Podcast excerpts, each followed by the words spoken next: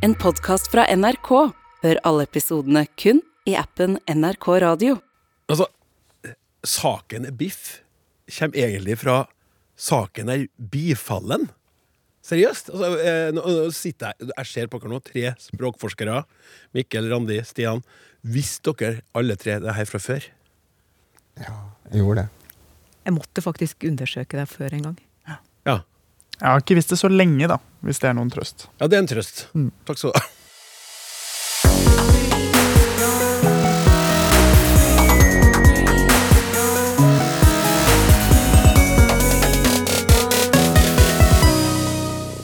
Hvor i alle dager kommer ordet fampe fra? Hvorfor heter edderkoppen edderkopp? En lytter ønsker en vurdering av uttrykket som sådan. Og hva er status for spredningen av retroflex N i norske dialekter? Det er lakke og lir mot ei gledelig jul og et flunkende nytt år, blankt som ei nyskurt barnerumpe med fargestifter til Ja, det ble litt rart, kanskje. Kalenderluke etter kalenderluke åpnes, og hva skjuler seg bak luka i dag? Jo, en splitter ny episode av Språksnakk, som du f.eks. kan nyte sammen med mandariner og gløgg. Mens julenissen og hans hjelpere nå sitter og åpner brev fra forventningsfulle barn, så er det haugevis med herlige lytterspørsmål sendt til snakk krøllalfa.nrk.no, som opptar oss. Og oss, det er meg, programleder Klaus Sonstad, og tre kloke språkforskerhoder. Randi Solheim fra Institutt for lærerutdanning, NTNU. Mikkel Ekeland Paulsen fra Institutt for lingvistiske, litterære og estetiske studier, Universitetet i Bergen. Og Stian Hårstad, som har sitt daglige virke ved Institutt for språk og litteratur på NTNU. Velkommen skal dere være. Takk. Takk. Mikkel, eh, vi spør jo folk på gata om eh, favorittord nå eh, for tida. Og har det med i programmet. Men litt, har du noe favorittord? Ja, hvis jeg skal svare på det Det må bli en sammensetning, for jeg elsker uh, sammensetninger. Så det må være en som gir meg litt morsomme assosiasjoner, som f.eks. Uh, bøtteballett. Det syns jeg er veldig artig å se for seg. Ja. Rengjøringspersonalet som deltar i en ballett. Eller bare bøtter som inngår i en ballett. ja. Takk, Randi. Det er jo litt å velge, da. ja, ja. Men jeg, jeg blir jo alltid farga av det siste jeg har opplevd. Og nå har jeg akkurat gått hit til Tyholt i nydelig nysnø. Da tenker jeg at nysnø, det er et, det er et fint ord. Det er fint å si òg. Ja. Nysnø. Ja, og litt metaforisk. Ja. Stian? Jeg klarer ikke sånn. Jeg har sånn det er som å velge ut sin yndlingssønn eller venn. Ja. Det, det, det dukker opp når jeg driver og graver i ting, og så finner jeg at det var bra. Det var interessant, det var fint. Men så forandrer jeg mening ganske fort. ja. Så jeg må, jeg må be om å få slippe å peke ut en yndling. Du må jo svare følgende, Stian. Ikke Ja. må, men du kan. Mitt favorittord er alle ord. Ja, det kan du si. Riktig. Eller ordet ord i seg selv. Ja, Ordet ord, kanskje kanskje. ja. Mitt favorittord er ord. Tusen hjertelig takk. Hei! Sitter sammen med min eh, svenske nabo og tar en øl. Foran oss jobber en edderkopp iherdig med å lage sitt eh, spindelvev. Nå kan det høres ut som vi har sittet lenge, men eh, til spørsmålet. Svensken spør meg hvorfor vi sier edderkopp og spindelvev. Hvorfor ikke bare gjøre som i Sverige? En spindel lager spindelvev. Hvor kommer edderkopp fra? Med vennlig hilsen Magne Brekke. Han er koordinator og lærer ved Larvik eh, fengsel, eller i Larvik fengsel. da. Det er litt eh, artig. Mikkel? Ja, eh, det er jo et godt spørsmål. Vi kan jo begynne med å påpeke at edderkopp er jo ikke det eneste ordet vi bruker om dette, dette vesenet på norsk. Det fins ganske mange varianter som det fins belegg på i ulike dialekter. Vi har kingel, kringel, kongro eller kongro.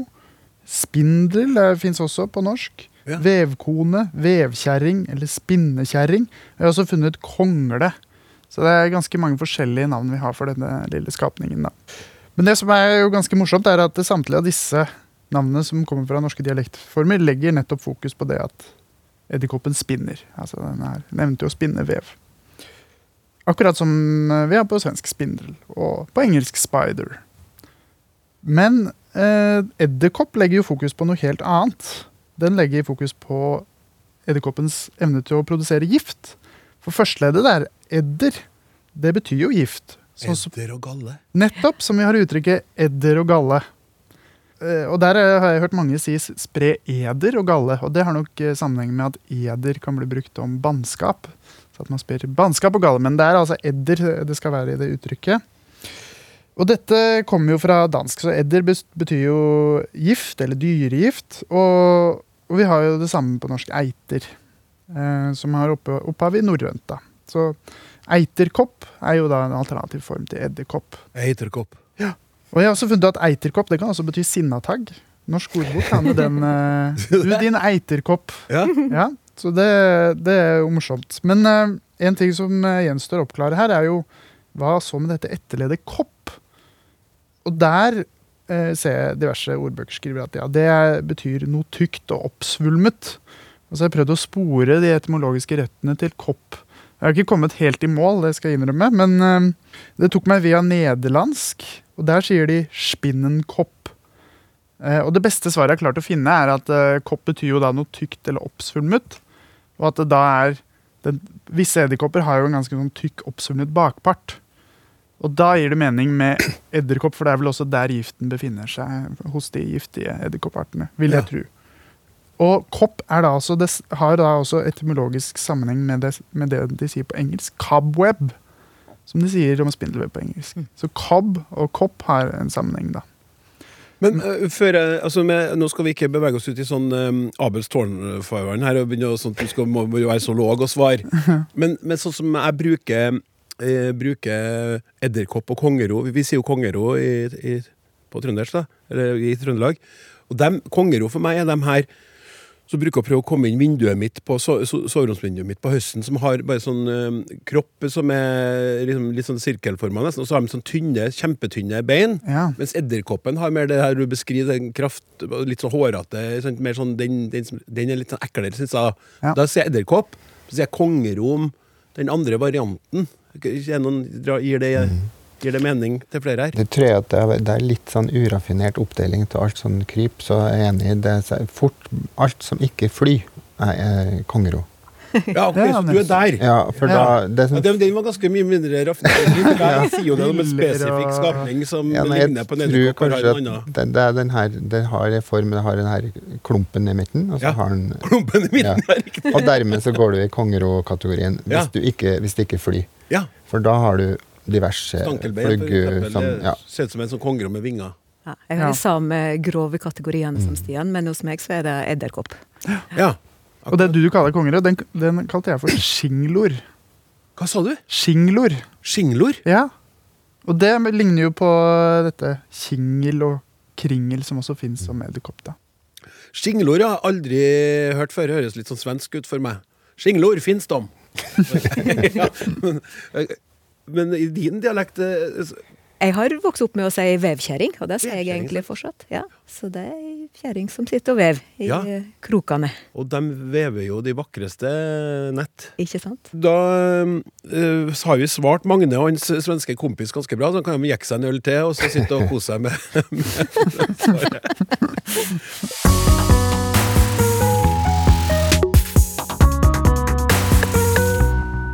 Randi, det her er spørsmålet for du. Her en dag sa jeg til hunden min «Øh, hva du gjør. Uh, og så begynte jeg å tenke over at verbet er på feil plass i setningen. Jeg er trønder og gjør dette titt og ofte, f.eks. i setninger som hva du gjorde i ferien da, eller hva du skal i helga. Hvorfor gjør jeg dette? Kan ikke huske å ha hørt dette i andre dialekter enn nordnorsk og trøndersk. Håper dere kan fortelle om dette fenomenet med, med vennlig hilsen eh, Torunn. Nei, hva du tror, Klaus? jeg ser liksom situasjonen for meg. Hun sitter og snakker med hunden sin, og så blir ordene liksom hengende i lufta. Og så blir hun oppmerksom på, på ordstillinga.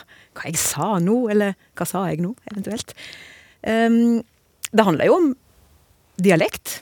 Nærmere bestemt om uh, talemålssyntaks, eller dialektsyntaks. Og det er jo litt interessant, for når vi snakker om dialekter, og her i Språksnakk, så har vi ofte fokus på ord og på lyder. Men òg ordstillinga kan være et utslag av dialekt, eller avhengig av dialekt. Og så sier Torunn at eh, verbet er på feil plass i setninga, sier hun. Og det har hun for så vidt rett i, hvis du sammenligner med normert eh, skriftspråk. For der vil jo verbet stå på, på andreplass i setninga i slike KV-spørsmål, som vi kaller det for. Da. Altså, KV-spørsmål. ja, hva gjør du? Ja. Altså, altså spørsmål som begynner med sånne eh, KV-spørreord. Um, men her så står det altså på tredjeplass hva du gjør. V3 heter det på stabbespråket. Det er litt eh, sånn kult.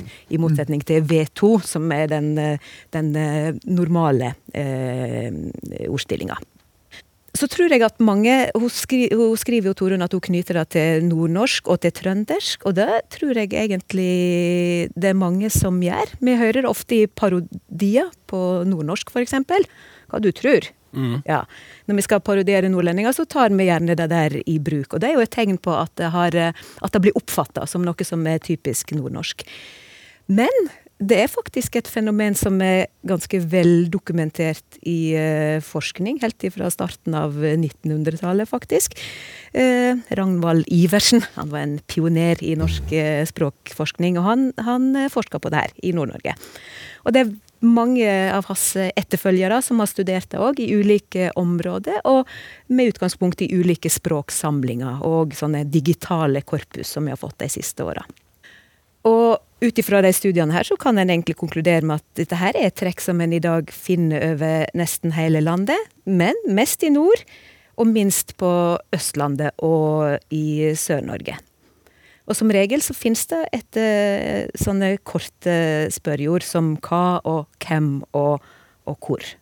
Og så syns jeg det er ganske interessant, for det er ikke så vanlig, at uh, dette her er et trekk som uh, de samme språkbrukerne kan bruke både som V2 og V3.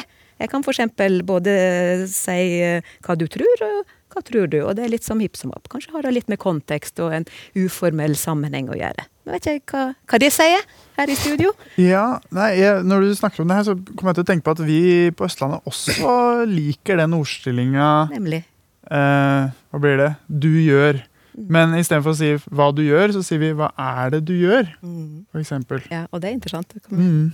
Jeg tror at det er sjøl, hvis du spurte meg, Randi. Ja, ja. eh, jeg tror jeg er en V2-er, altså. Stort sett. Eh, hvis jeg svarer riktig på det nå. Ja, det, hø Jeg- det høres jeg veldig spør- overbevisende ut. Jeg spør ikke hva du tror, eh, eller hva du gjør, jeg spør hva gjør du? Hva tror du, da?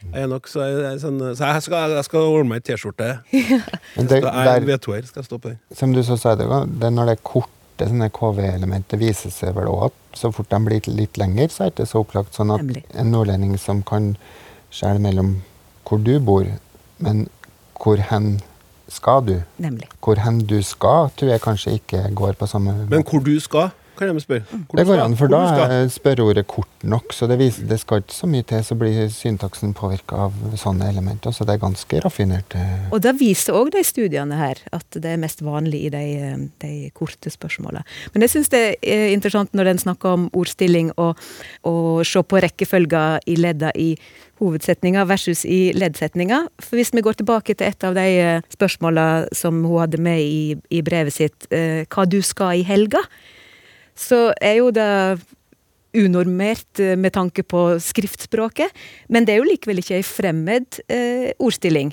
Hvis jeg eh, legger til litt utfyllende informasjon og sier 'jeg lurer på hva du skal i helga', så blir jo det helt eh, Da kan vi jo skrive. Det er normert skriftspråk, men ordstillinga i det korte spørsmålet som er nå putta inn i den utvida konteksten, det er jo akkurat det samme. Hva du skal i helga. Ja. Og da, det som skjer, er jo at denne her, dette her spørsmålet blir en leddsetning inni den hovedsetningen. Og da finner vi ut at aha, det spørsmålet her har jo en leddsetningssyntaks. For ordstillinga i leddsetninga er annerledes enn ordstillinga i hovedsetninga på norsk. Mm. Er du med? Jeg er med. Ja, Jeg syns du forklarer det veldig bra, Randi. Det må jeg si. Men det er ganske viktig poeng det som Randi begynner med, at vi glemmer kanskje litt at det her nivået, altså syntaksen, ordstillinga, det, jo, det er jo også dialektal variasjon som kanskje ikke har fått så Det har blitt diskutert like mye som bøyningssystem og lyder og ord. Men det er jo mange sånne fenomen som er, varierer på ganske utsøkte vis da, rundt omkring. Bare plassering av nekting, f.eks. Når jeg sier 'jeg så gitto', jeg såga ikke, Mhm. 'jeg så henne ikke'. En sunnmøring ville ha sagt 'jeg så ikke ho', kanskje. Og der, der hoppa hun ikke nektingsordet, så ikke 'ikke'. Det hoppa hun rundt, og alt går jo, eller begge deler går, men i bokmål nynorsk så vil en bare akseptere den, den ene. Ja. Og det måler oss jo hele tida imot. Det er det som er det normale, det som er riktige. Så blir alt feil ut ifra det. Men det er ganske mange sånne eh, detaljer i det syntaktiske nivået rundt omkring. Da. Vi har med andre ord mer å glede oss til, Ja. eh, også her i Språksnakk. Og mer å forske på. Og mer å forske på for dere. Som dere kan eh, komme tilbake hit og rapportere om eh, når dere har forska ferdig. Det kan vi gjøre. Og du som hører på nå, som sitter der og tenker, eh, slurper litt gløgg, eller står og hamrer og snekrer og stopper opp og tenker nei, driver jeg og sier Du må skrive til snakk, krøllalfa.nrk.no, så kan sånne flinke folk som den gjengen her svare deg på det du undres over. Hei i Språksnakk. Nå er veitungene på loftet og famper igjen. Det ble sagt der jeg vokste opp på Fosen eh, på 50-tallet. Jeg har prøvd å finne ut hvor ordet fampe kommer fra, men har ikke klart å finne det ut, selv om jeg har testet ordet på svært mange. Men ingen har hørt det. Når det ble sagt at barna fampet, betydde det at de var på loftet for å finne gamle klær, gamle klær for å kle seg ut. Min bestemor som sa dette, hadde bodd noen år i USA i mellomkrigstiden. Kan det komme derfra? Kan det være et engelsk eh, slenguttrykk? Håper på å få svar på dette med å fampe. Takker for interessant program. Vennlig hilsen Torstein Hårs Hårsaker, Trondheim.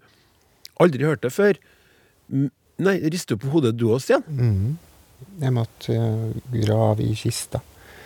Men engelsk går fri. Det er ikke engelsk sin skyld. Ja, nei, det her altså det, kanskje, det finnes kanskje et fjernt slektskap i en engelsk ord, men det her har levd på norsk eh, territorium i mange hundre år. så Altså, det- du har, du har funnet det? Ja da, ja det fins. Og Ah. det er notert eh, flere plasser. Men det er jo fra Fosen, fra Frøya, så er det notert. Ivar Aasen, som har sanka inn en del stoff, for å si det enkelt. Han, Ivar, altså. han har gjort mye. Han har med betydninga behenge, utmaie. Og det er jo det her utspjåkinga og ja, påkledninga. Eh, stase, spjåke seg ut, står det som forklaring. Men kanskje så er varianten fjampe, altså med en j, er nok kanskje mest utbredt, men fampe fins notert, og spesielt da fra Fosen. Og famp på seg på, fra Frøya, det er altså et eller annet Og, å pynte seg på en litt uelegant måte, da, på noe. Det er, noe, det er nødvendigvis så positivt. Det er litt smakløs. Så Det er en sånn situasjon fra fest, da. Så står de utafor festlokalet, og så Der se Elinor! Har hun fampa seg! Ja. Nå har er hun fampa seg, det Elinor. nødvendigvis et honnørord, nei. nei. Eh, Men altså, det, det fins kanskje, som sagt, i engelske dialekter så fins det en, eh, et fjernt søskenbarn. To famp. Det er å gå eh, tungt. Og hvis en graver lenger hva ordet kommer fra, så har det nok noe med eh, rot som har Det er noe stivt, oppsvulma, og dermed kanskje over i det uelegante eller klossete. Og dermed så er det i slekt med både fjomp og ja, fjamp, fomp, famp. Mange sånne som har med det som er litt uelegant og klossete og stivt. Litt uklart eh, opphav, men eh, antageligvis ikke så langt til fjomp. Altså en, en person som òg er litt sånn uelegant. Og siden vi er inne i des desember, fjompenisse. Ja, for eksempel det. Det er Det er en nisse som har kledd seg ut på dårlig vis. Nei, det det er det ikke. En fampenisse. Hva? En fampenisse, da. En fampenisse! Ja. Veldig bra. Ja, hvis du var i tvil, eh, du som hører på, så er det noe språksnakk du lytter til. Og jeg sitter her sammen med Mikkel Ekeland Paulsen og Randi Solheim og Stian Horstad. Og de svarer på spørsmål fra dere lytterne, eh, som vi skal fortsette med. Men vi skal bare høre på det her først. Eh, Jeg heter Elin, og mitt favorittord er snerk. Fordi det føles som den gugga med et størknet kakao når du sitter ute på skitur. Det, det var et, ord, et favorittord som valgt, vakt latter i, studio. Skal ikke eh, ta for oss et favorittord her, men eh, et eh, innspill på et nyord. Det er ikke mange dager igjen til Språkrådet kårer årets nyord 2022, så det spørs om det her kommer, men jeg syns det er fint. Eller artig, da. Hei! I det siste har jeg tenkt på at jeg kanskje har kommet på et nytt ord som kan og bør tas i bruk i det norske språket. ugugelig. Med den betydningen at noe ikke lar seg google, eller at det ikke finnes informasjon om det på nett. Dermed altså ugooglig Alle oppgavene i quizen var ugooglige. Ordet er i alle fall ugooglig Det finnes ingen informasjon om det, men mulig at eh, andre allerede bruker det. Hvis ikke var det meg dere hørte det fra. Riktig god jul. Med vennlig hilsen Terje Kvam. Jeg for min del jeg syns det var knallbra. Jeg har jo ikke så ofte opplevelsen av at eh, jeg syns det meste er googlig. Det er det som er problemet. Men det er sånn at når de jobber som det er sånn quizfolk, også, så kanskje de virkelig eh, dypt inn i ting, og da er det sånn Nei! Ikke et eneste svar! Det er ugugelig! så jeg gir tommel opp for den, så får vi se da hva Språkrådet har å si om den saken. Hei, jeg jobber i en bank, og i bransjen snakkes det om analoge versus digitale kunder. Digitale kunder benytter da nettbaserte løsninger for sine banktjenester, mens analoge kunder benytter manuelle tjenester. Jeg tok opp denne begrepsbruken da jeg mener at analog ikke er det motsatte av digital. I min verden forbinder jeg begge deler med elektronikk, men at analoge signaler er gammel teknologi, f.eks. digitale og analoge utganger på en forsterker. I dagens Aftenposten skriver kulturredaktør Cecilie Asker om at vi lever våre liv delt mellom den digitale og den analoge verden. Jeg mener dette er feil bruk av ordet analog, og at det ikke kan brukes som en motsats til digital, men jo oftere jeg ser det, jo mer usikker blir jeg. Kan dere oppklare? Med vennlig hilsen Henning Bunes.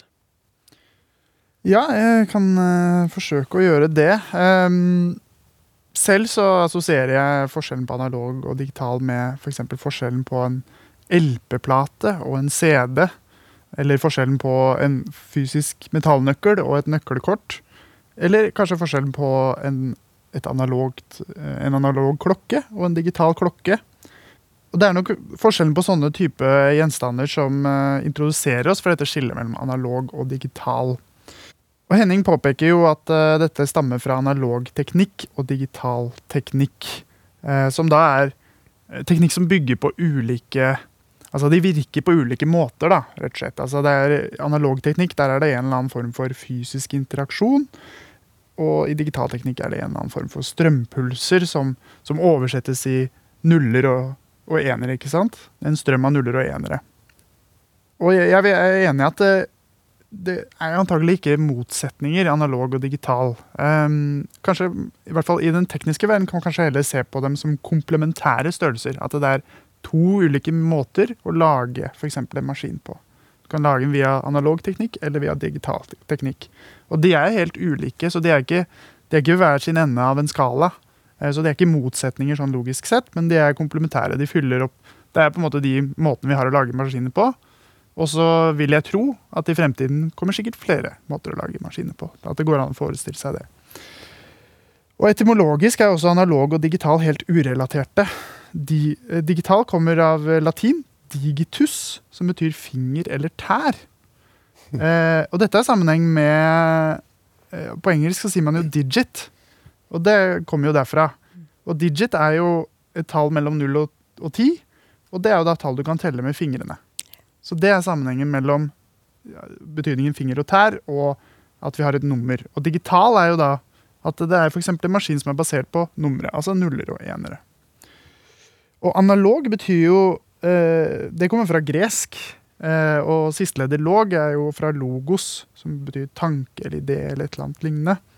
Og ana, forleddet, kan bety litt forskjellige ting, um, så det er ikke så oppklarende. Men den andre betydninga som analog har i norsk, det er jo at det er noe som samsvarer med.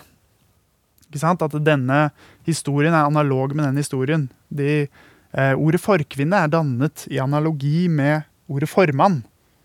De følger samme mønster. Ja. De samsvarer på et eller annet vis, men de er likevel forskjellige. Så hvorfor har vi da begrepsparet analog og digital? Og Det stammer nok fra eh, datamaskinenes tidlige fase, der man hadde analogmaskiner og digitalmaskiner. Digitalmaskiner het jo det fordi de var bygd på, på tall. Analogmaskiner het det fordi at der var det eh, Nå blir dette veldig teknisk, og det er helt utenfor mitt eh, kompetansenivå. Men eh, Nå Altså, bøyer var liksom ingeniørlytterne seg fram og bare venter spent på forklaringa di. ja, Sitt nå klar med tastaturet. her tror jeg. Henning kan arrestere meg også, men der, i analogmaskinen så er det i hvert fall snakk om at det er en eller annen strømkrets eller, eller noe som samsvarer med en eller annen fysisk størrelse. Altså det er eh, på et eller annet vis imiterte det som fantes i den fysiske verden, enten om det var lengden eller tidsbruken eller noe sånt. Ja. Så hvis du skulle for bruke maskin til å måle ulike tidsintervaller, så ville den maskinen brukt akkurat like lang tid som det tiden du ønsket å måle. Det er min forståelse av det. Det er den beste måten jeg kan forklare det på. Men det forklarer i hvert fall hvorfor eh, vi har fått skille mellom analog og digital. Mm. Fordi da har du to ulike typer maskiner som fungerer på ulike måter. Og da blir det et skille. Og nå, i nyere tid, så har vi jo fått veldig stort behov for å snakke om ikke-digitale møter, f.eks. Mm. Under pandemien. Hva, hvordan skal vi møtes? Skal vi møtes digitalt? Eller skal vi møtes på den andre gamle måten? Og da bruker vi, da kjenner vi til dette begrepsparet analog og digital, og så bruker vi analog om da den virkelige verden, eller den ikke-digitale verden, da. Men jeg er enig med Henning at innimellom så syns jeg ikke det er helt tilfredsstillende å snakke om f.eks. analoge møter. For det er jo ikke sånn at de møtene bruker analog teknikk. Eller at vi trenger en analog maskin for å fasilitere de Vi bare møtes utenfor den digitale sfæren. Mm. Eh, og et alternativ er jo å si at vi har fysiske møter. Men der syns jeg at eh, fysisk møte det gir meg assosiasjoner til at det er en eller annen slags kroppslig omgang involvert. At vi det, Hvis du driver med fysisk aktivitet, så er jo ikke det bare aktivitet som fins i det fysiske rom. Du beveger deg og blir kanskje litt svett og så lignende. Og det skjer jo sjelden på disse fysiske møtene. Så, så her har vi kanskje behov for et, et nytt ord, og kanskje er det Det virker som analog fyller denne rollen, da. Altså snakke om den ikke-digitale verden. Ja, jeg tenker som uh, lytterens representant her at jeg er enig i det du sier der, det utfyller en rolle, og jeg har tenkt sånn på det. Altså, du bruker det ordet, og det, det, sånn, folk flest skjønner hva du mener med det. Det er i Mm. kontrast til det digitale. Mm. Og så har samtidig Henning et poeng, og har rett, men det er sånn som vi har diskutert. Ikke sant? Og digital, analog, er, er etablert, tror jeg, da. Mm. Det kommer, ja, Randi? Kanskje vi kan si som ungene, at vi kan møtes på ekte? Ja, på ekte. IRL ble jo også tatt i bruk. Ja, ja, ja. Ja, men Skal man kunne da si digital uh, versus ekte? Nei, kanskje ikke. Nei. Men det var veldig fint. det. Det er vel et, et viktig poeng at det, det har funtes digitale møter en stund, men det skjedde jo nå for eh, kort tid siden som gjorde at det ble så aktuelt. Relativt intens et par år der det skillet betyr så mye mer for oss, da, de digital versus Mm. Jeg kaller det fysisk møte, jeg, altså, for at jeg klarer ikke å eh, Og det sier jo litt Det har skjedd litt for fort, så det har ikke begynt Det har ikke utkrystallisert seg noe ord for det, sånn som en vanligvis Det må liksom gå seg til gjennom noen år. Det her har skjedd såpass fort, og derfor så Det har ikke landa helt, da, det her ennå. Jeg har så inntil videre i hvert fall kalt det fysisk møte. Kanskje ekte møte. Jeg tror ikke det er helt eh, nei. Men uh, han, eh, Mikkel nevnte jo IRL, og det er jo noen som bruker litt på sleng. Eller live, kan noen si. Ja. Ja. Mm. Men uh, vi må jo finne på noe norsk, da. Ja, for Fysisk Vi sier i hvert fall ikke 'skal vi møtes analogt', eller? Nei, det, Vi sier jo- vi sier jo ikke det. Og jeg syns jo det er artig med eksemplene analoge og digitale kunder. For altså de kundene det er snakk om, de er jo ikke digitale størrelser. Eller analoge størrelser, for den saks skyld. Nei, Det er jo bare vanlige mennesker. Det er øh, bare vanlige mennesker. Ja, helt vanlige mennesker. Benytter ulike tjenester. Ja. Skal vi over til en litt eh, lengre e-post her. I mangel av sinnsro må jeg late ut et rop i sinne over det språklige medvite, som har utvikla seg omvendt parallelt med terskelhøgda for offentlig publisering av tekst, for ikke å si kringkasting av potensielt normdannende språkbruk. Sinneropet kunne blitt halvt inne og omdanna til en tilbakeskående sørgesang, men det er jo nett tilbaketvang som dette jeg med det potensielle nyordet sinnerop rauter imot. På svensk blir sinnsro til sinnesro. Sinneropet er eksempel på ei potensiell kjelde til artige meningsforvekslinger i språkflyten mellom norsk og svensk. Jeg har flere ganger nylig hørt det svenske uttrykket 'at ha koll på' bli brukt i norsk språk både i radio og TV. Det er viktig å vite at 'at kolla' betyr å se. Uttrykket blir for all del brukt i rett sammenheng for å uttrykke at en eh, har nettopp kontroll og oversikt at noe er i orden. Senest var det under Nytt på Nytt at jeg, at jeg likevel ble sittende og se for meg Pernille Sørensen legge kålblad for kålblad, og ha kål på hva det nå var hun sikta til at var i orden. Og for å få noe i orden, så kan en fikse biffen. Nå kommer et spørsmål. Saken er biff, heter det jo egentlig, som kommer fra svensk rådsmøtesjargong. Saken er bifallen. Ja, det er ja, så skal jeg kjøre det. Her har jeg kanskje gitt spørsmål et svar. Utdyp gjerne. Men jeg, har også ei oppfølging i retning av den generelle omgangen med ordet biff i norsk. På butikken har jeg i senere tid observert grovt artsignorante misapproprieringer som kalkunbiff og laksebiff. Det blir vel knapt et spørsmål eh, denne gangen heller, for spør jeg meg sjøl, så er biffkjøtt biff kjøtt fra okse i likskap med nøttkjøtt på svensk, som i praktisk nok også kan gå som vegetarføde her til lands.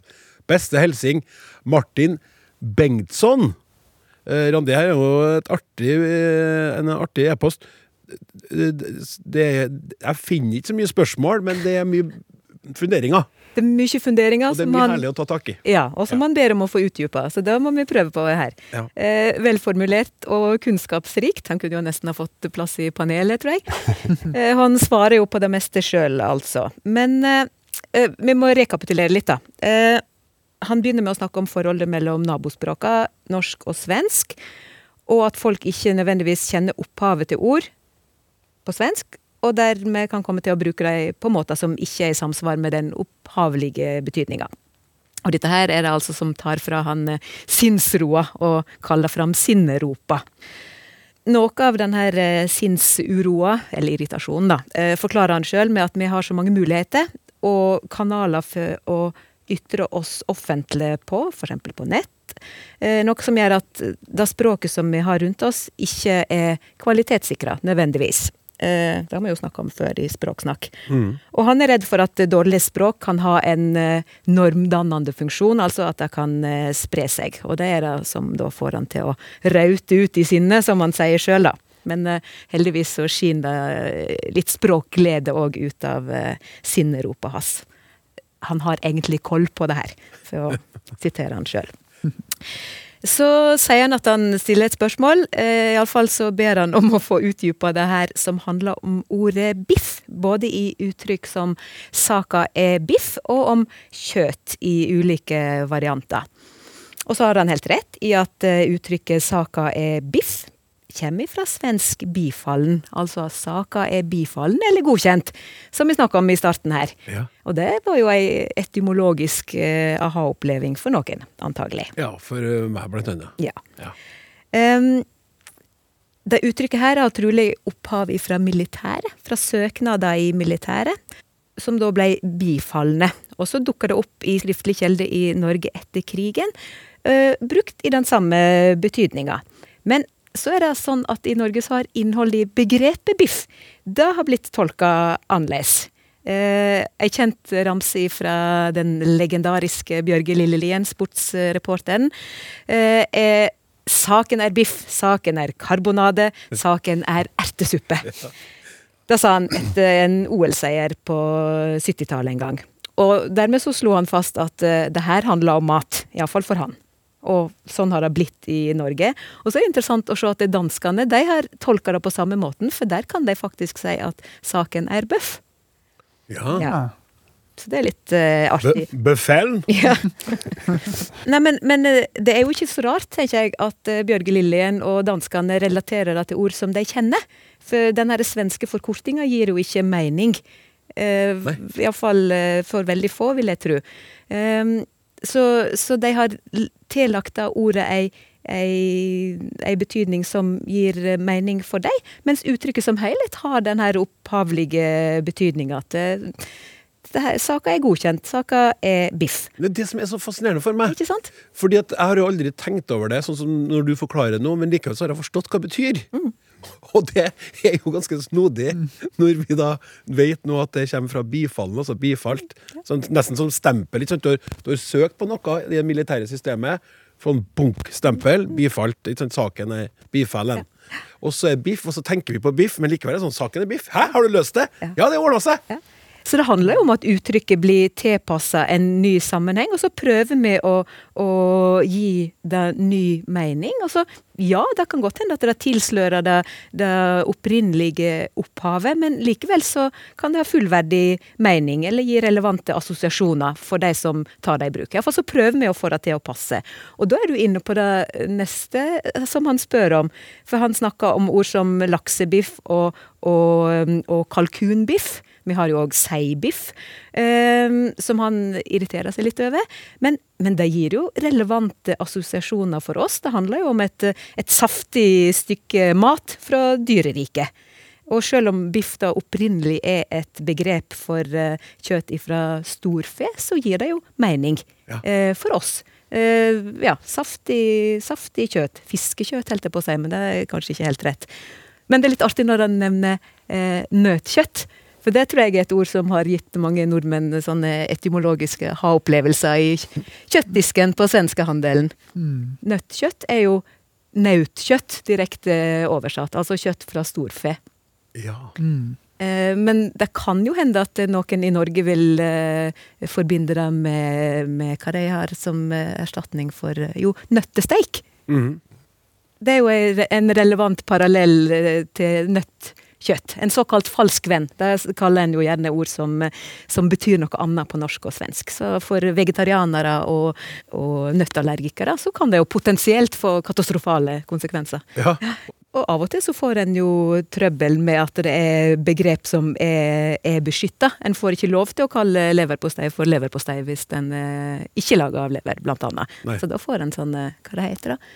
Eh, frokostposteier og sånne ting. Ja. Grønnsaksposteier. Mm. Men det handler jo om at en vil gi relevante assosiasjoner, og vise at dette her er et produkt som kan fungere på samme måten som eh, noe annet. Bra. Vil du uh, tro at uh, godeste Martin Bengtsson syns saken er biff nå, eller? Det kan vi jo håpe på. Ja, da går vi videre. Hei! Apropos irritasjon. Jeg irriterer meg stadig over at veldig mange av mine forskerkolleger og andre snakker om metodisk tilnærming og lignende når de mener metode eller metodevalg. Metodisk betyr jo ellers at man går systematisk eller grundig til verks, og bør etter mitt syn ikke forveksles med valg av metode i forskning. Men her syndes det stadig mer, så kanskje dette etter hvert er en tapt sak. Hva mener dere i Språksnakk? Hilsen Torkel Bjørnskau. Ja, en sånn akademisk eh, spørsmål. Det er helt i orden. Det er et språkspørsmål også. Mm. For all del. Så Stian, vær så god. Jeg tror det er kanskje forutsett akkurat i hvert fall mange tilfeller at det er en fagspesifikk betydning versus en mer allmenn betydning. Og når det krasjer, så blir det noe i verste fall irritasjon. Da. For uh, metodikk kan nå da sies å være et fagfelt eller en fagspesifikk uh, forskningsretning. Og det kan jo omsettes i et adjektiv. Metodisk. Det som har med metodikk å gjøre. Men så fins det metodisk og mer allment brukt om at du er systematisk, eller du har nettopp den refleksjonen over framgangsmåten din. Og det er vel det som de aller fleste bruker metodisk sånn. At du bruker ja, Han var en metodisk person. Og når det flyter sammen, så, så, blir det en slags kollisjon. Hvis du mener at her handler det om metodikk som fagspesifikt felt, så blir det da et metodisk spørsmål. Det kan bli tvetydig. Altså Spørsmålet i seg sjøl kan være systematisk, kanskje, men det, også, ja, det blir noe sånn krasj. Og det, det kjenner nok mange som driver innenfor et fagområde, at den dobbeltheten er mer plagsom enn den som bruker de her ordene som mer sånn generell. Mange, jeg tror det er mange eksempler på det, fordi at isk er så lett å bruke når du skal danne et eh, adjektiv. Det er bare å skjøte på, så har du en, et adjektiv uten videre. Sånn at du, du kan jo tenke det samme om dramatisk, f.eks., som de aller fleste bruker ganske ja, uten å tanke om at det finnes jo dramatikk som fagfelt, og at en som driver med dramastudier, vil si at dette er en dramatisk problemstilling. Da handler det jo ikke om at den, å, så det er drama, drama, men det er altså det fagfeltet mm. sitt. Og det kan jeg tenke med lyrikk og lyrisk, som de aller fleste bruker på en annen måte enn det lyriske. Historisk for så vidt òg, fordi at historie finnes som fagfelt. Økonomisk òg. Sånn at hvis du sitter da i et fagfelt sånn som denne innskriveren eh, gjør, Torkel, eh, så har nok det synet i større grad at det fins en fagspesifikk bruk, og så fins det den allmenne. Og når det da flyter over i hverandre, så blir det upresist. Og jeg kjenner at det med metodisk, at det der jeg ønsker meg at det kanskje kan byttes ut med metoderelatert, f.eks., eller metodologisk. Mm. Hvis det er der det ja. For da er du ja, Det kan jo diskuteres om det er Eller helt dramaturgisk, da. Ja, det, du kan jo ta noen sånne grep for Mm. å komme unna det som har med det det aller mest allmenne som da blir litt vanskelig å, å være presis på. I ikke lenge siden så sendte Trøndelag Teater ut et tilbud eh, til oss som går der. Gi en dramatisk julegave. Og da spiller meg litt på at det er både ja, det handler om dramatikk i sånn tørr eh, fagform. Og så kan det jo bli dramatisk i den mer allmenne betydninga at det her er action og sånn. Og det kan bli dramatisk på den måten at den som får julegave, absolutt ikke vil på teater. Hva har skjedd? Gaver begynner de å gi! Jeg, finner meg ikke i, altså! Jeg, vil- jeg vil ikke dem gavene. Vi, vi gir dem ikke gaver neste år. Alt mulig, mulig tolkning. Kanskje. Men, ja. jeg vil bare anbefale alle å gå i teatret. Nå, nå er det flere forskere i studiet her som vil hive seg på i denne metodiske debatt, debatten som har på gang. Randi? Ja, jeg tenkte at jeg skulle legge meg flat og si at jeg eh, nok både har sagt og skrevet om eh, metodiske tilnærminger og metodiske innganger i eh, forskningssammenheng. Og så kan jeg jo kanskje forklare eller forsvare det med at eh, akkurat som vi snakka om i stad, det gir jo noen relevante assosiasjoner til det som vi driver med. Det er jo faktisk både eh, Det handler jo om å gå metodisk og systematisk og grundig til verks. Og det er jo Jeg prøver iallfall å gjøre det når jeg eh, skriver om, eh, om fag. Så det er, det er relevante assosiasjoner. Og ja, en kan godt si at det ja, Jeg kan godt skjønne at en kan irritere seg over det hvis at en henger seg opp i det, men det er ikke helt på jordet. Nei. Uh, Mikkel? Jeg syns det er morsomt eh, et, et morsomt mønster i disse to eh, betydningene. At du har en fagspesifikk betydning og en allmenn betydning. er at Den allmenne betydningen kan du som regel sette en U foran. Så du kan si eh, at du har eh, en handling. Den kan være både etisk og uetisk. Men eh, en uetisk problemstilling, det høres litt rart ut. Umetodisk, ja. Mm. Da var den Ja. ikke systematisk. Det ville vært rart å si at en forsker gjør umetodiske valg i forskninga si. Ja. Eh, Da snakker du i hvert fall om at det er ikke sy- systematisk. da. Ja. At det er fravær av metode. ja. Mm. Altså, hvis Torkel irriterer seg, så har han, han har på et vis rett, men samtidig så forstår man hva man mener. Jeg, ja. eh, Men samtidig så kunne du ha skrevet om det for å gjort tydeliggjort, eller for å unngått det her irritasjonen Det kan godt hende jeg gjør det neste gang. Ja, Så har vi hver, det, ja. hver våre ting vi irriterer oss over. Da. ja, ja, ja, men jeg tenker sånn det, Så det er et innspill som, som fikk deg til å reflektere, liksom? Ja, faktisk. Ja. Mm. Ja, fint. Hei, jeg heter Mabel. Mitt favorittord er familie, fordi jeg liker familien min. Åh, smelt. Mm, vi sitter her og koser oss med spørsmål fra dere lytterne innsendt til snakk.krøllalfa.nrk.no. Hei, gode språkfolk. Fyllordene florerer i språket vårt. Mange av dem brukes i hytt og pine. Nå er det bruken av ordet som sådan jeg ønsker å få en vurdering av i dette utmerkede språkprogrammet. Diskuterer man fotball, så må en eller annen si 'fotball som sådan'. Jeg som lytter skjønner jo at det er fotball man diskuterer. Det må da være unødvendig å bruke begrepet når det er fotball man diskuterer. Prater man om krigen i Ukraina, så må en eller annen si 'krigen som sådan'. Bruk av som sådan burde som sådan legges død. Takk for et godt språkprogram. Som sådan fungerer det for meg. Med vennlig hilsen Jan Oskar Valsø. Mikkel, kan du som sådan Nei, det ble feil. Kan du som språkforsker som så Nei, glem det. Jeg prøver ikke meg engang. Kan du svare på det her? Jeg kan forsøke. Eh, først vil jeg bare kommentere da, at jeg syns uh, fyllord har en uh, ufortjent, et ufortjent dårlig rykte. Jeg syns jo uh, Ikke bare syns, det er jo også tilfellet at de ofte tilfører veldig viktig betydning til et uh, utsagn. så, så fyllord, de må vi ha. Um, og så vil jeg også uttrykke usikkerhet om det om som sådan er et fyllord. Eh, nå er det jo ikke sånn at fyllord har en vitenskapelig definisjon, men jeg oppfatter i hvert fall eh, fyllord som gjerne sånn trykksvake ord som bare sniker seg inn imellom, kan stå nesten hvor som helst i setningen.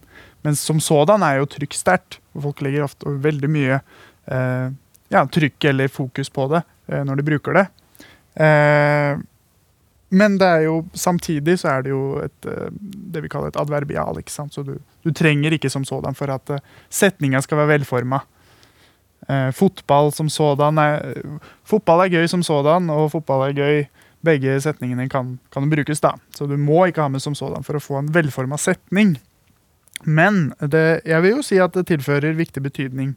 Og jeg har prøvd å finne Skille ut noen ulike betydninger ja, som sådan. Um, først så har du en betydning som jeg fant i dansk ordbok, som er i seg selv.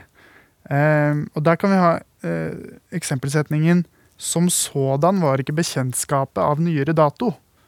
Så bekjentskapet som bekjentskap var ikke av nyere dato. Det kvalifiserte som bekjentskap før også. Men det betyr ikke helt det samme som bekjentskapet var ikke av nyere dato.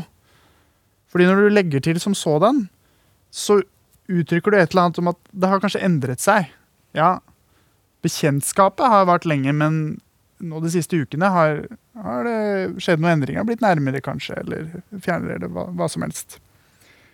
Så i seg selv så var ikke bekjentskap av nyere dato. Og så har vi en annen betydning som, eh, som jeg mistenker at brer om seg ganske mye.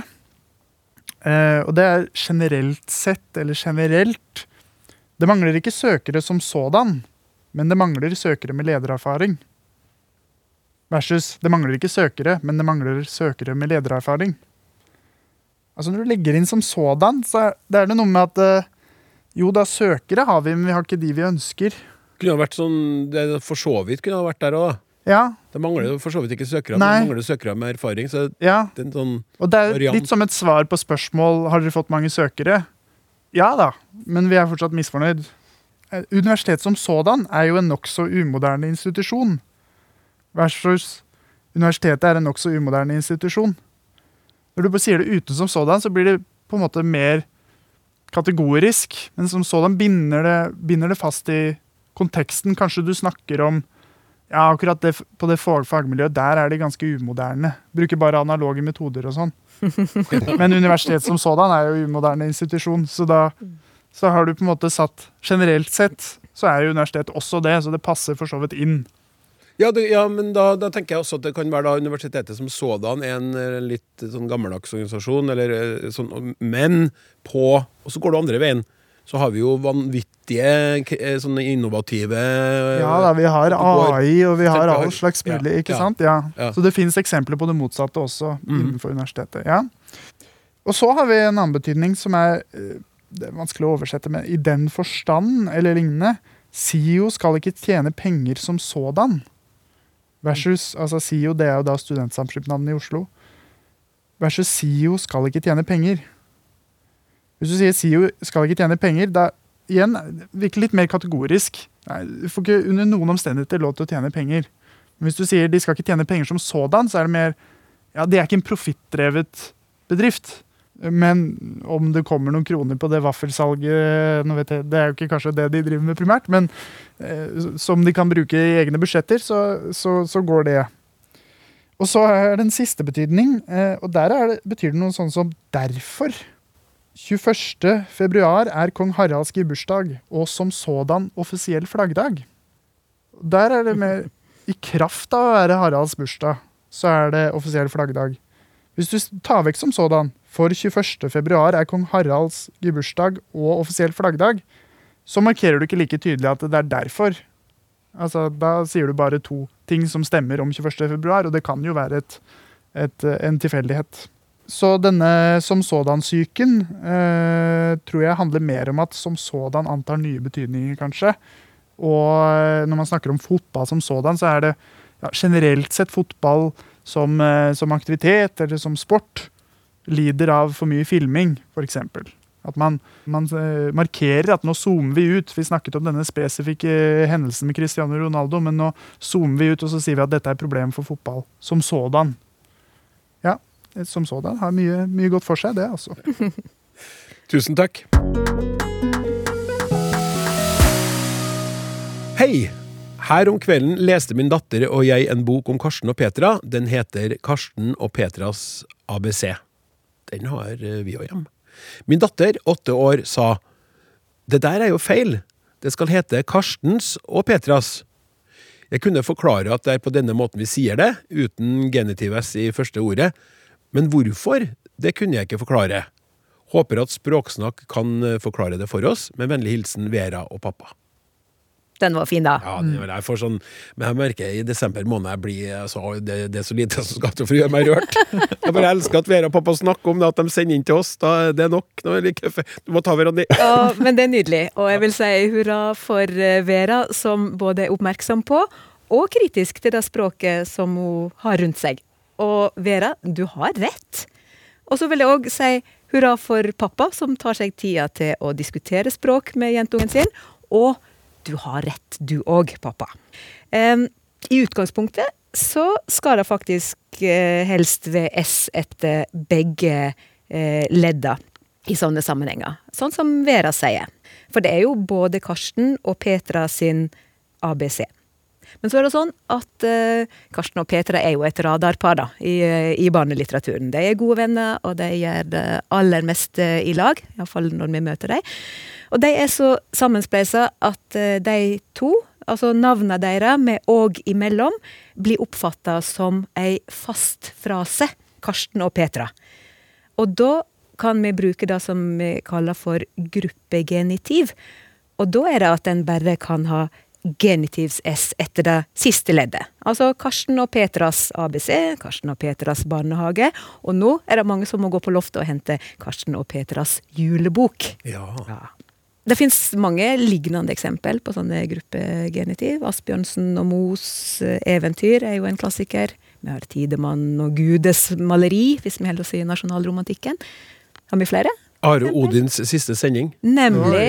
Nemlig. Kvalifiserer for gruppegenitiv, vil jeg si. Ja. Men så er det litt interessant at det fins eh, Det er få faste regler. Og det er faktisk vanskelig å peke eksplisitt på at eh, det er noen betydningsforskjeller. Jeg kom til å tenke på Edvard Hoem si bok som heter 'Mors og fars historie'. Ja. Altså, mor og far er jo, hører jo definitivt eh, tett i hop, men likevel så har han valgt å ha genitivs S i begge de ledda. En kan eventuelt tenke seg at han vil understreke at både mor og far har sine historier, og så blir de da fletta i hop. Skaper jo nysgjerrighet òg. Nettopp Ja. rundt eh, det der som du sier nå. Ja. Mors og fars, er det to forskjellige historier i boka? Nemlig. Er det deres felles, eller er det begge deler? Eller er det kanskje begge deler? Ja. Alle tre, kanskje. Så jeg føler meg ganske sikker på at HM Hoem har gjort et bevisst stilistisk valg. Og til sjuende og sist så er det kanskje det det handler om, da. En kan faktisk velge sjøl. Ja, tusen takk. Hei, jeg har prøvd å lete rundt på nettet etter spredningen av retro, retroflex N i norske dialekter. Jeg er selv fra Vadsø, der dette kun forekommer i selve byen, men ikke i bygdene byene rundt. Vi uttaler ordene brannmann, pannekake øh, øh, og blant som ja, Vanskelig å si, men brannmann Brannmann er sånn som jeg sier nå. Litt sånn pannekake og blant. Bra, brant, blant, blant. Blant. Blant. Blant. Takk. Vi vet at disse, dette også finnes i Narvik, men har ikke hørt om andre steder i Norge. Hvor kommer dette fra? Hvor uvanlig er egentlig denne språklyden, og hvordan er spredningen i Norge og i verden? Med vennlig hilsen Heidi Joki. Brannmann, pannekake og blant. Blant. blant ja. Du må øve litt mer. Men Jeg må det. Du tar over du nå, Stian. ja, jeg, synes, jeg tror ikke jeg skal ta oss verden rundt, men sånn generelt, altså retroflekslyd handler om at tunga er bakoverbøyd i uttalen. Retro er bakover, flex er bøying. Så det er altså sånn som i en tjukk L, blå, og i barn og i morn, som mange norske talemål har. Og det fins i andre land òg, både i svensk og i andre språk. Kanskje spesielt knytta til mange språk i India. Så det er derfor en når en parodierer indiske språk, så griper en fort til en sånn palatallyd. diverse. Ja. Så, ja. Men det, det fins ganske mange plasser. Det fins òg i mye av norsk, den her retroflekse lyden. Eh, bortsett fra vestnorsk og Vestlandet og sørnorsk. Det, det som ligger til grunn for den i, i norsk, er jo en R-lyd, og den vet også jeg har litt annen fasong på Vestlandet. Randi for eksempel tar vel aldri en retroflex i sin munn. Jeg har øvd på å si Ja. 'hjelp en elg' en gang. Ja, akkurat. Hjelp en elg. Jeg strevde lenge med det. Så det er altså det ene, den retroflekse lyden. Men det her- det som eh, Heidi er inne på her, er altså at den dukker opp på en annen plass. Og det er da der vi har en lang N, som da har òg mange fasonger i norsk. I trøndersk og i nordnorsk har den blitt palatalisert, sånn som i mann. Brannmann. Brannmann, ja. Hannhund i bånd. Det er den prototypiske treningssetninga for den som skal bli trønder. Men det som har skjedd, da, er at den lyden, retroflekset, har dukka opp i posisjoner der den vanligvis har en palatal uttale. Og hun som kommer fra Vadsø, sitter jo midt i eh, sentrum for denne utviklinga. Det er der det ble eh, altså, Vadsø, eller i hvert fall Varanger, at det ble eh, kartlagt først, på 70-tallet. Og da dukka det opp sånn som brannmann og pannekake. Så det er altså den lyden som du har i morgen, da for de aller fleste i Norge i hvert fall, den har altså tatt over for den her brannmann, brannmann. Akkurat hvorfor det har skjedd, ja, eh, gudene vet. Det kan nå diskuteres, men det har i hvert fall dukka opp flere plasser i Nord-Norge. Eh, Bodø og i Alta og i Narvik og mange tettsteder og byer i, i Nordnorsk har fått det. Og så har det òg dukka opp i Trøndelag, i Trondheim og Røros. Men det er ganske individuelt, ganske varierende innenfor de her språksamfunnene. Så det er nok Vadsø som har det mest gjennomført. Eh, Der er det rett og slett etablert som den uttaleforma som ja, hører til i Vadsø-mål. Kanskje begynner det å bli snakk om det samme i Alta. Ja. Så det går litt framover. Men det, altså, det er kjent fenomen i mange plasser i det palatalområdet, men det har nok ikke fått fullt fotfeste. Men det kan høres fra både trøndere sin munn og fra mange nordlendinger sin munn, det her med pannebånd og brannmann. Tusen takk skal du ha, Stian. Eh, Det var faktisk det vi rakk i denne utgaven, som straks er ferdig snakka. Nå skal vi etterpå kose oss med, med pepperkaker og sjokolade og, og gløgg. Vi kan ikke, vi kan ikke spise det mens vi har sending, det, det tar seg jo ikke ut. Tusen takk skal dere ha, Randi Solheim, Mikkel Ekeland Paulsen og Stian Hårstad. I redaksjonen Ingebjørg Hagerup, Randi Lillealteren, Hilde Håbjørg. Jeg heter Klaus Sonstad. Vi snakkes! Du har hørt en podkast fra NRK. Hør alle episodene kun i appen NRK Radio.